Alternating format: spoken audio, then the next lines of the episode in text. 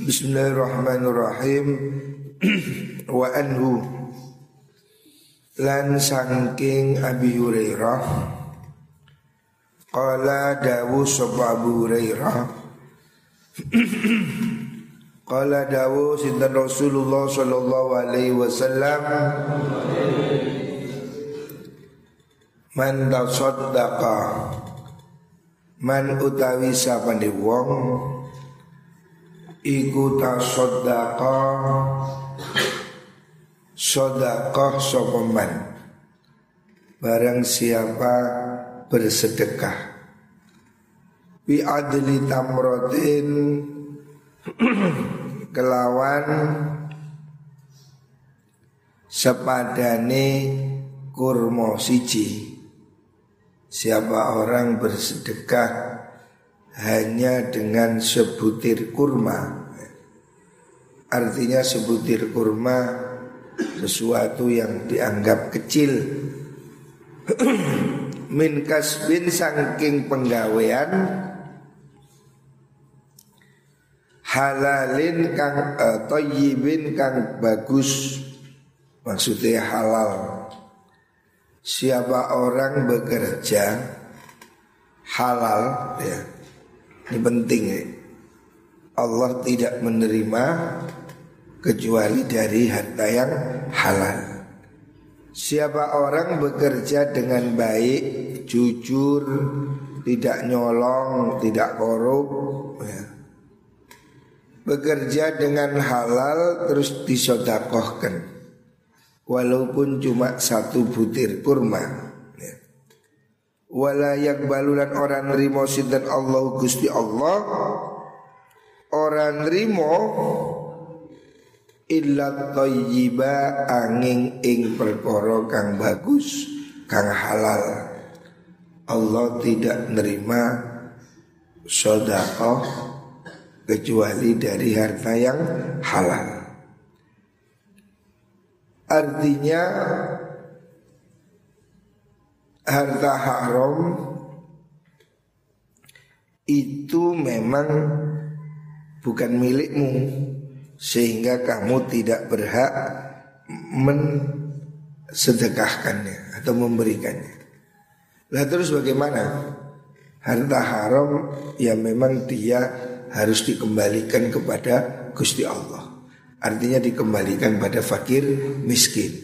Tetapi orang sodakoh dari harta yang haram itu tidak dapat pahala. Tidak mendapat pahala. Makanya perhatikan kita ini usahakan jangan sampai bekerja yang tidak halal. Sebab Gusti Allah tidak menerima atau tidak memberi pahala apabila orang bekerja yang tidak halal. Tetapi bagaimana orang-orang yang sudah kadung punya harta haram? Umpamanya ada pelacur. Pelacur laris. Terus mau tobat Maka dia harus sedekahkan hartanya. Lu katanya tidak boleh sodako harta haram. Itu bukan sodako Itu mengembalikan Mengembalikan hak barang Yang bukan haknya Dikembalikan pada Gusti Allah. Bisa mengantui Guh, sapa Jadi orang yang menguasai harta haram Semisal bandar togel Kalau ada bandar togel mau tobat umpamanya Atau germo. Germo, apa germo?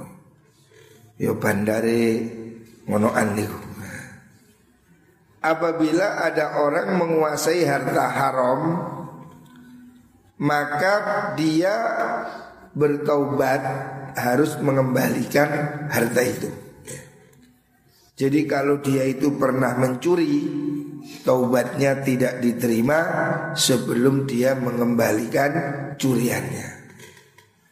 Karena ini menyangkut hak adami.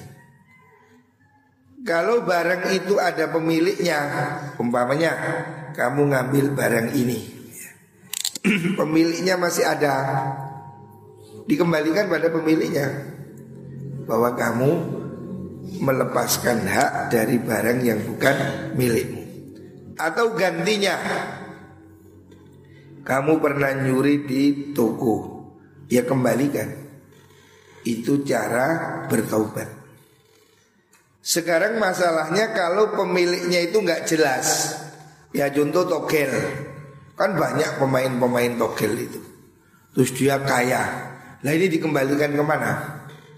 Kalau itu kasusnya atau WTS, PSK Kan dia sering dapat pelanggan. Kan sudah lupa. Duit ini yang dari mana? Kan nggak dari dicatat semuanya. Atau dia dapat Dapat lotre Dapat judi. 1 M. Ini duitnya siapa? Duit-duit yang tidak jelas pemiliknya itu dikembalikan kepada Allah dengan cara diberikan pada fakir miskin. Jadi bandar togel apa itu apa pelacur, koruptor ya. Kalau itu harta negara ya dikembalikan ke negara. Tetapi kalau dikembalikan ke negara nanti malah dibikin banjaan. Bagaimana? Kembalikan pada maslahat umat Islam atau kepada fakir miskin. Itu caranya. Jadi orang yang menguasai harta haram baik itu perjudian, perzinaan atau harta yang lain, cara-cara yang haram umpamanya dia di pasar jualan nyolong timbangan. Kan itu nyolongnya setiap hari. Sehingga kan tidak jelas yang dicolong siapa karena setiap hari nyolong. Sehingga yang dicolong mungkin ribuan orang.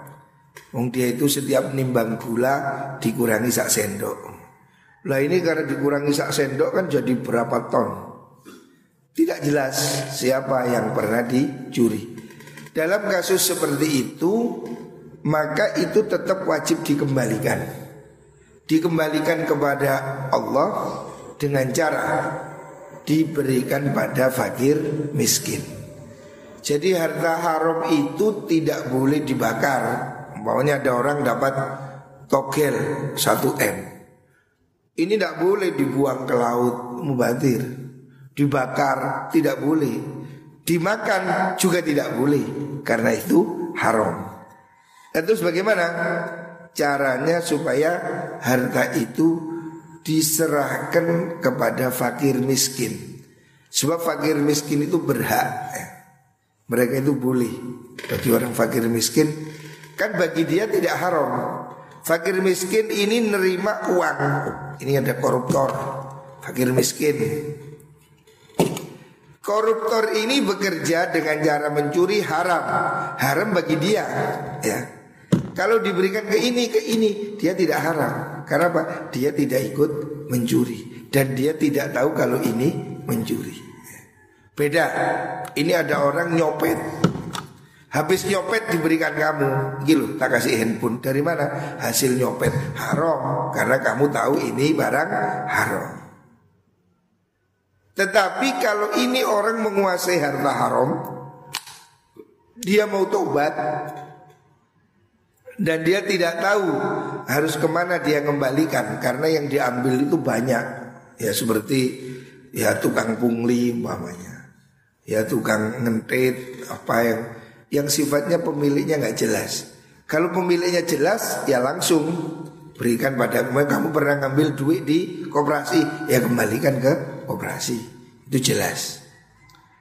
Tetapi kalau pemiliknya sudah tidak ada atau tidak jelas maka dia mengembalikannya dengan cara diberikan pada fakir miskin. Sama dengan dulu kasus bunga bank. Dulu kan pro kontra. Ada yang bilang bunga bank ini haram, ada bilang subhat, ada bilang boleh. Orang-orang Timur Tengah zaman dahulu mempunyai simpanan deposito yang besar di Amerika, di Eropa. Mereka tidak mau nerima bunga. Akhirnya bunganya malah diambil oleh lembaga-lembaga non-muslim. Makanya kemudian difatwakan supaya bunga bank itu kalaupun dihukumi haram tetap harus diambil. Diberikan siapa? Diberikan pada fakir miskin. Fakir miskin itu berhak menerimanya. Atau diberikan kepada jalan-jalan kebaikan. Contoh, dibuat bangun jembatan dibuat bangun apa ya penerangan jalan, dibuat bikin waduk boleh ya boleh. Diberikan masjid boleh. Dulu ada kasus di mana Dampit ada germo dari Gang Doli mau nyumbang masjid. Nah, masyarakat pro kontra. Bagaimana? datang ke sini saya bilang boleh. Lu itu kan germo iya. Duitnya haram iya. Haram bagi dia. Tapi kalau diberikan ke masjid boleh. Sebab itu dikembalikan pada Gusti Allah. Tapi saya bilang tidak apa-apa terima aja. Ada germo nyumbang masjid boleh tapi saya bilang buat bangun WC aja buat bangun pagar, buat bangun menoro. Artinya taruh di pinggir-pinggir tidak masalah. Jadi harta haram, harta non muslim itu boleh diberikan ke masjid boleh, diberikan pondok juga boleh. Kita boleh menerima orang non muslim menyumbang boleh, tidak apa-apa. Tetapi kalau orang itu mengusahakan nyolong untuk sodako Ini tidak boleh. Saya niat nyolong buat sodako Tidak boleh. Sebab Allah tidak menerima sodako dari harta haram. Tetapi kalau harta itu halal Fa Allah sudina Allah Iku yakbalu nerimo Allah Ha ing mengkono sodakah biyaminihi kelawan ridhoni Gusti Allah. Kalau orang itu sodakoh dari pekerjaan yang halal, maka Allah menerima sodakoh itu.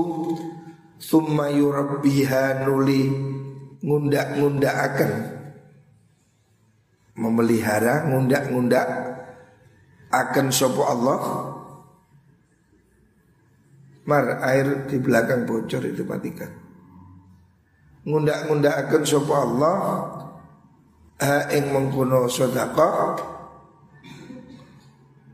ana rek wudu Ha ing mengkuno sodako li sahibiha ketuwi wong kang duweni mengkuno sodako utawa mengkuno tamroh niku wau kama yurabbi kaya oleh ngerumat. Sopo ahadukum salah suci sira kabeh fuluwat fuluwahu. Ing belune. Belu tahu belu? Anaknya onta itu belu. Belu belu ya bang ngerti belu? Belu itu anak sapi gitu jenenge belu. Anak wedus jenenge cempe.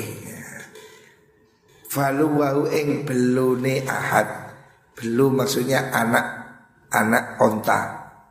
Hatta takuna sehingga ono opo mukunu falua iku mithlal jabali madane gunung. Muttafaqun alaih ini hadis sahih muttafaqun alaih. Artinya Rasulullah Shallallahu Alaihi Wasallam menggambarkan bagaimana sodako itu akan terus berkembang pahalanya. Kalau sodako itu dilakukan dari pekerjaan yang halal, profesi yang halal, tidak mencuri, tidak menipu, tidak apa, ya tidak merugikan orang. Siapa orang bekerja dengan baik, pekerjaan yang halal, kemudian dia bersodakoh, walaupun itu kecil nisbatnya cuma satu kurma. Satu biji kurma ini kan sesuatu yang mungkin dianggap ya murah lah. Kurma satu kilo umpamanya 50 ribu. Satu kilo kan mungkin isi 200. Berarti satu butir harganya berapa? Ya satu butir mungkin harganya taruhlah 200 rupiah. Artinya kecil, 500 rupiah umpamanya. Siapa orang sodako dengan sesuatu yang kecil Misalnya dengan satu butir kurma Atau duit seribu rupiah umpamanya Kemudian itu dilakukan dengan ikhlas Dari harta yang halal Maka Allah akan menerima sodako itu Dan Allah kembangkan Allah pupuk sodako itu sebagaimana seseorang yang punya seekor belu, oh belu, anak onta yang berkembang berkembang sehingga menjadi gunung. Artinya dari sesuatu yang kecil itu pahalanya naik berlipat ganda sampai sebesar gunung. Jadi sodako kalau dari harta halal itu akan semakin berkah hartanya semakin berkah, pahalanya juga semakin besar. Ini hadis sahih muttafaq alaih. Al-falu tema utai lafat al-falu bi fathil fa wa dhammil lam wa tasdidil waw wa yuqalu aidan bi kasril fa wa iskanil lam wa takhfifil waw al-filu wa utai maknanya al-falu iku al-muhru belu Belu itu anaknya kebu, anaknya sapi ini kan anak anaknya on, anaknya sapi atau anaknya kerbau. Artinya dari dari sekecil itu akan menjadi sebesar gunung. Ya. Kalau orang itu ikhlas dan pekerjaannya halal. Artinya hadis ini mengajarkan Hendaknya kita berusaha bekerja yang jujur. Bekerjalah yang benar. Wa anu Wa anhu lan sangking Sorry. Wa anhu lan sangking Abi Hurairah Anin Nabi Sallallahu Alaihi Wasallam. Qala dawu sobo kanjeng Nabi.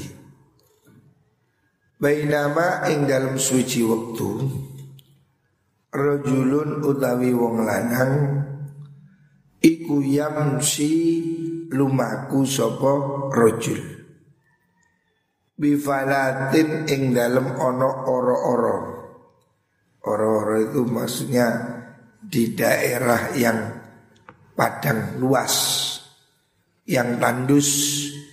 Minal ardi saking bumi suatu saat ada orang berjalan di padang tandus. Fasami'a nuling rungu sapa mengkono niku wa rajul ngrungu sautan ing swara fi sahabatin ing dalem mego dia mendengar ada suara dari balik mega. Suara ini rupane iski nyiramono siro kata fulanin ing kebunane fulan. Ada suara di balik mega eh mendung pergilah ke sana nyirami kebunnya Fulan nama orang. Fanataha fatanaha mongko ngalih opo dzalika sahabu mengkono meko fa afragha mongko ngesoaken opo mengkono sahab? Nyiramaken ngesoaken ma'ahu ing banyune sahab fi haratin ing dalam bumi kang garing. Kemudian dari situ ada keajaiban. Mendung ini geser ke sana menurunkan hujan. Jadi seakan-akan ada remote-nya. Jadi ada malaikat yang menggerakkan mendung.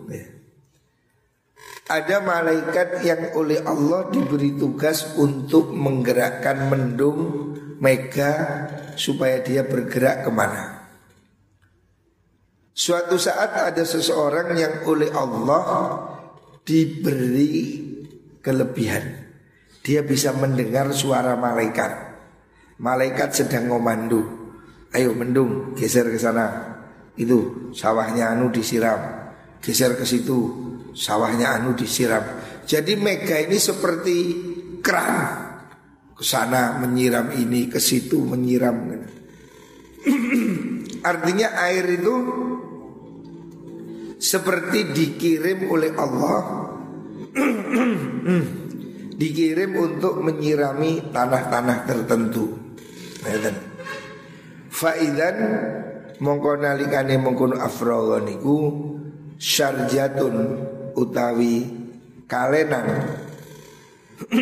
kalenan itu saluran air mintil kalsiraji saking mengkuno piro-piro kalenan iku kodis tau abad teman-teman meratani opo mengkuno syarjah zalikal ma'a ing mengkuno banyu kullahus kabehane ma fatanam ba'a mongko niti-niti sapa mengkuno rajul al ma'a ing banyu. Faidan nalikane mengkono tanabba'a rojulun utai wong lanang kok imun kang ketemu orang berdiri fi hadiqatihi ing dalem kebonane mengkono rojul ternyata kemudian dia melihat ada orang sedang di kebun jadi ini satu kisah yang penggambaran dari Rasulullah Sallallahu Alaihi Wasallam. Ada orang mendengar suara malaikat dari langit supaya mendung bergerak ke sini untuk menyirami kebun seseorang. Tentu saja orang ini penasaran, loh apa iya mendung ini bisa mengalir ke satu tempat? Makanya dia kemudian ikuti mendung jalan ke sini. Setelah itu hujan. Setelah hujan ternyata hujan itu memenuhi sungai atau jurang. Dari situ airnya mengalir. Diikuti oleh dia ngalir ke mana ini? Terus sampai ke sebuah kebun. Di kebun itu ada orang yang sedang menggarap sawah fi hadiqati dalam kebunani rajul yuhawwilu haling ngili akan mengalirkan sapa rajul almaa ing banyu bimis hatihi kelawan pacule rajul jadi karena penasaran diikuti alir ngalir ke mana Oh ternyata ke kebun Di kebun itu ada orang sedang nyangkul Mengalirkan Fakola mongko ngucap sapa mengkono rajul lahu maring niku wau rajulun qaimun niku. Ya Abdullah, he kawulane Allah. Hei Pak Abdullah itu nama generik ya. Wahai hamba Allah. Artinya nggak kenal. Wahai hamba Allah. Maksudnya dia itu menyapa. Pak, ya. Bung, Mas muka Nggih kurang kitab kui Mas muka Ma iku sopo ismuka utawi jeneng siro Orang yang ngikuti air ini tanya Pada pemilik kebun Pak namamu siapa? Kala ngucap rojul Fulanun nama saya Fulan Fulan itu ini gitu lah lil ismi nyebut maring aran menyebutkan nama alladzi sami'a kang rungu sapa rajul fis sahabati ing dalem meko. Ternyata ditanya Pak nama sampean siapa? Nama saya Fulan. Persis dengan nama yang dia dengar di langit tadi. Jadi namanya itu cocok. Namanya memang Fulan. Ya. Kemudian Faqala mengucap sapa mengkono fulan lahu maring rajul ya Abdullah lima krono opo tas aluni takon sironi ing ingsun an ismi sangking jeneng ingsun. Orang itu juga heran kenapa kamu kok tanya nama saya? Kala ngucap sapa mengkono rajul ini sutune ingsun iku sami tu ngrungu sapa ingsun. Ngrungu sautan ing swara fi sahabi ing dalem meko alladzi hadza kakutawi ikilah ma iku ma'uhu banyune alladzi yaqulu hal ngucap sapa alladzi iski hadiqata fulan. Iski nyiramu sira hadiqata fulan ing kebunane fulan. Li ismika nyebut maring aran sira. Akhirnya orang itu bilang Saya ini dengar ada suara malaikat Menyuruh hujan ngalir ke kebunnya Fulan. Lah Fulan itu ternyata kamu Fama tasna'u fiha. Fama mongko ing opo tasna'u agawi siro Fiha ing dalem mengkono Nikwau hadiqah. Apa yang kamu lakukan Sehingga kamu ini kok oleh Allah dikirimi air ya. Ini kan suatu keanehan ya. Suatu keajaiban Secara teori Orang ini nanam tidak mungkin kalau tidak ada air Ini ada seorang petani Yang dia itu punya kebun bagus selalu dapat air. Airnya dari mana padahal tidak ada sungai. Airnya itu dari hujan. Hujan terus ngalir ke jurang, ngalir ke kebun dia. Istimewa. Kok ada orang punya mesin air dari langit, artinya disiram hujan. Hujan ini kok selalu mengarah ke situ. Ini keanehan ada orang oleh Allah diberi petunjuk dibukakan tirai hatinya bisa mendengar malaikat sedang mengatur hujan. Maka dia mendengar malaikat sedang mengatakan hujan geraklah kamu ke sana ke desa Sukonolo bergeraklah kamu ke desa Dampit jadi ada yang menggerakkan hujan ke sana ke sana. Malaikat itu ngasih komando jelas. Hujan kamu jalan ke selatan sana itu ada kebunnya Sumawe yang tanahnya gersang itu pemiliknya namanya Amar. Sirami kebun gitu. Nah, orang ini bingung, kok ada air bisa dikirim ke kebun orang. Akhirnya dia ikuti air arah hujan. Betul, hujan menyingkir ke sana turun di sana memenuhi jurang terus ngalir ke kebunnya orang itu. Akhirnya dia penasaran dicari, sud ketemu di kebun sedang ada orang kerja. Terus ditanya Pak, namamu siapa? Loh, kok tanya kenapa? Saya minta pingin tahu. Nah sama siapa? Oh saya Amar. Loh kok cocok? Maksudnya saya dengar di langit ada malaikat menyuruh Allah eh malaikatnya Gusti Allah menyuruh hujan mengaliri kebunmu. Ada namanya langsung. Nama alamat sehingga hujan nggak salah alamat. Gak pakai kode pos. Uh, ke situ. Apa yang kamu lakukan sehingga Gusti Allah kok bisa nurunkan hujan rutin ke tanahmu? Artinya Allah membukakan rezeki dengan cara yang ajaib. Kebunan itu selalu dapat air. Kalau waktunya tandur, hujan datang. Amalannya apa? Dungone apa pak? Jadi ini orang penasaran. Apa yang kamu lakukan sehingga kebunmu ini oleh Allah kok selalu dikirimi air dengan cara mengirim hujan di daerah yang tandus di Arab. Kalau di sini kan memang banyak hujan. Di negara Arab itu hujan itu sedikit sekali. Sehingga kalau ada hujan orang-orang itu keluar ke jalan sewenang hutan-hutan. Lagi gini ya diguyu-guyu lah apa itu. Tapi kalau di Arab hujan ini betul-betul nikmat menjadi kesenangan. Apalagi kalau di Masjidil Haram. Di Mekah ini kalau hujan orang seweneng. Karena apa? Menunggu air yang turun dari talangnya Ka'bah. Kan Ka'bah itu ada atapnya, ada talang.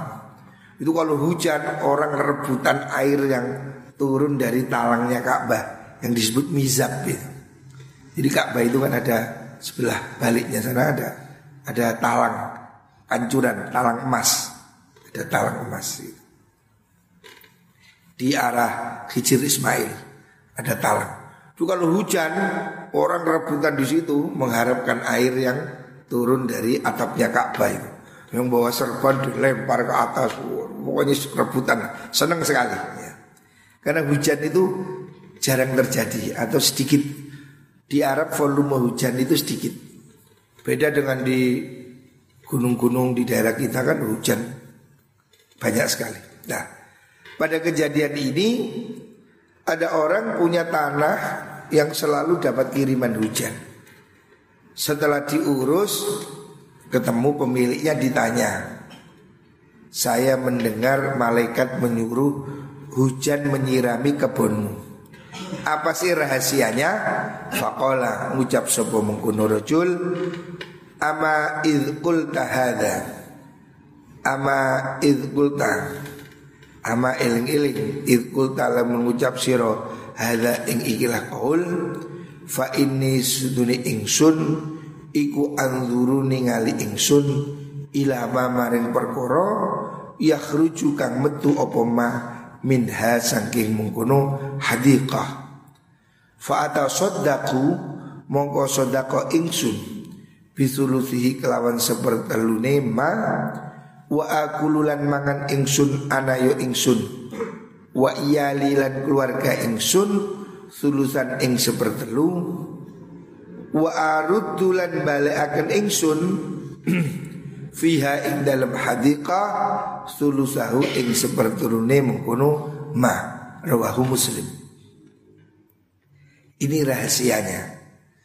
Setelah orang itu ditanya Pak rahasianya apa? Kok tanamanmu itu selalu bagus selalu mendapat kiriman air sampai malaikat mengendalikan air untuk menuju kebun sampean apa rahasianya pak? Dungone opo? Jopo japune opo? Orang ini tanya Orang yang dengar suara dari langit tadi Kemudian pemiliknya mengatakan Oh ya sudah Kalau kamu mengatakan begitu Karena ini ada rahasia yang harus disampaikan Ini rahasianya Saya Katanya pemilik tanah ini saya tidak pakai campi-campi apa itu amalan yang aneh-aneh bukan. Ini bisa terjadi seperti ini karena saya melakukan hal ini. Apa rahasianya? Yaitu saya selalu mengukur melihat panennya. Kalau kebun ini panen, saya bagi tiga.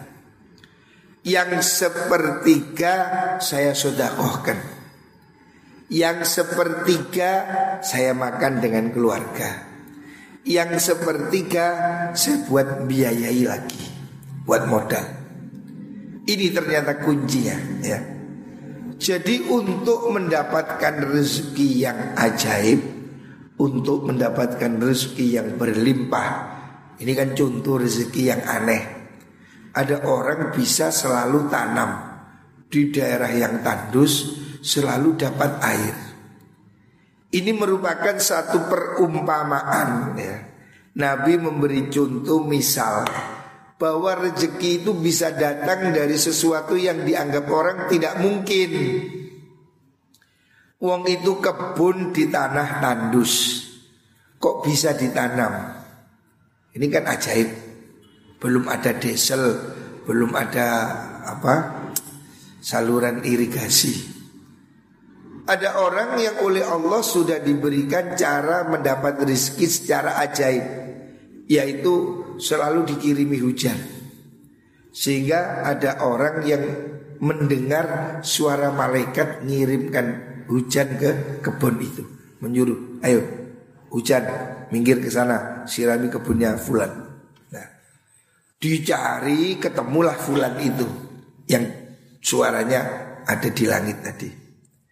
Ya yang rungu ini bu mungkin bukan orang sembarangan ya. Orang bisa dengar suara malaikat Berarti ini ya mungkin sejenis kekasihnya Allah.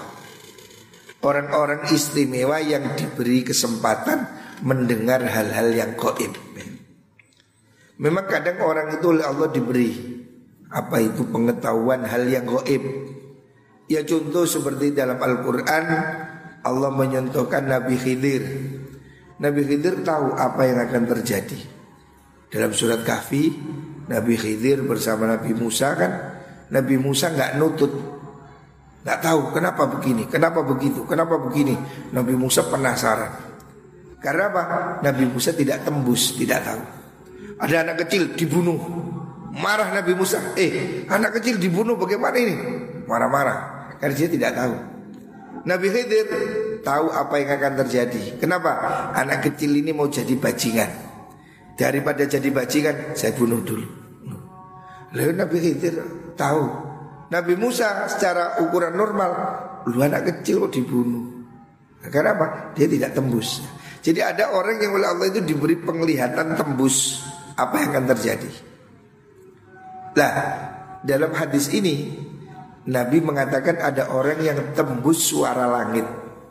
Sehingga dia bisa mendengar malaikat ngatur hujan Hujan kirim ke selatan kebunnya si Anu ya. Dia setelah dengar cari kebunnya siapa itu. Ketemu pemiliknya.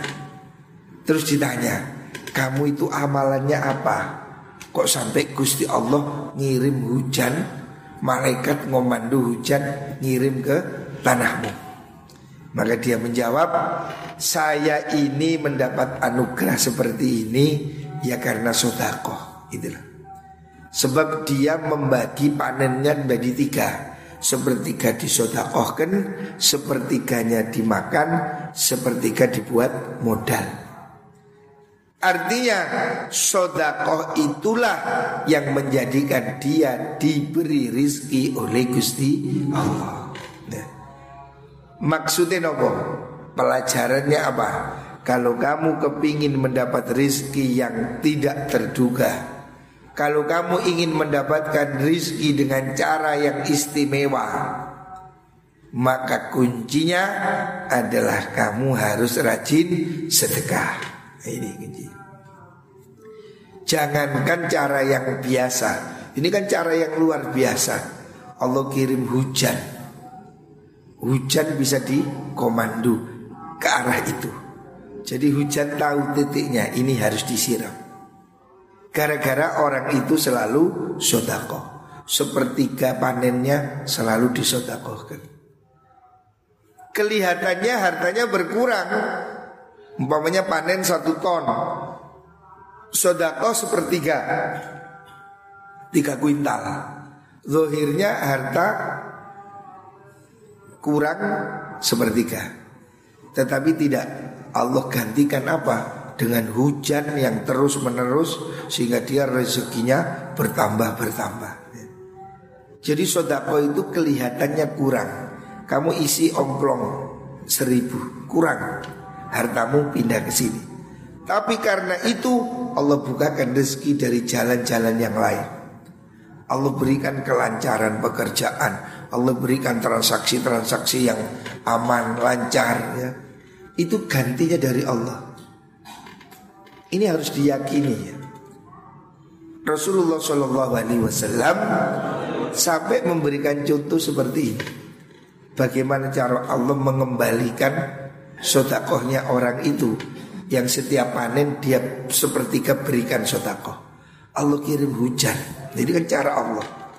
Cara manusia gimana? Tidak tahu. Tapi Allah tahu. Ya. Inilah kebijaksanaan Gusti Allah. Jadi orang ini berusaha wajib ya. Bekerja berusaha itu ikhtiar. Tapi sodakoh ini faktor. Ya. Kerja tok gak ada rezeki nih, ya tetap gak iso. Orang kerja itu kan pekerjaannya macam-macam, tapi rezekinya kan beda-beda. Sama-sama buka warung, ada yang laris, ada yang tidak laris. Sama-sama nanam lombok, ono sing tepak rego larang, ono sing tepak rego jeblok. Podo-podo ngingu PT, ono sing matian, ono sing uripan. Nah, kerjaannya sama, tapi rezekinya tidak sama. Lu bagaimana supaya rezekinya ini ada? Inilah kuncinya. Rajinlah sodakoh. Al harrau telafat harrah igual ardu bumi al mulbasatu kang den kang den goni hijaratan ing watu sauda agang ireng. Harra itu tanah bukit yang tandus padas. Wasyarja utai makna ni syarja bifat shin al mujamah kang den titik wa iskanur ra Wabil jim ya utai mengkono syarjah iku masilul ma gon miline banyu. Jadi kesimpulannya bahwasanya Rasulullah Shallallahu Alaihi Wasallam ini yang hadis terakhir dari bab ini hendaknya kita ini bertakorup kepada Allah dengan cara infak dengan cara sodakoh ya. Sebab rezeki itu datangnya dari Gusti Allah Dan Allah lah yang menyuruh malaikat untuk membagi rezeki ya. Ini intinya ini ya. Kita ini jadi yang namanya apa namanya takarrub pada Allah itu bukan hanya berdoa. Takarrub pada Allah bukan hanya munajat, bukan hanya tahajud, tapi takorublah kepada Allah dengan cara bersedekah, berinfak. Ini termasuk cara takorub pada Gusti Allah. Ini kesolehan sosial. Jadi soleh itu bukan hanya ahli tahajud, ahli sodakoh, ahli infak, ahli nyumbang. Itu juga takorub pada Gusti Allah. Dan itu juga yang akan membuat dia dapat rizki Muka-muka kita semua dimudahkan rizki oleh Allah subhanahu wa ta'ala. Amin Allahumma amin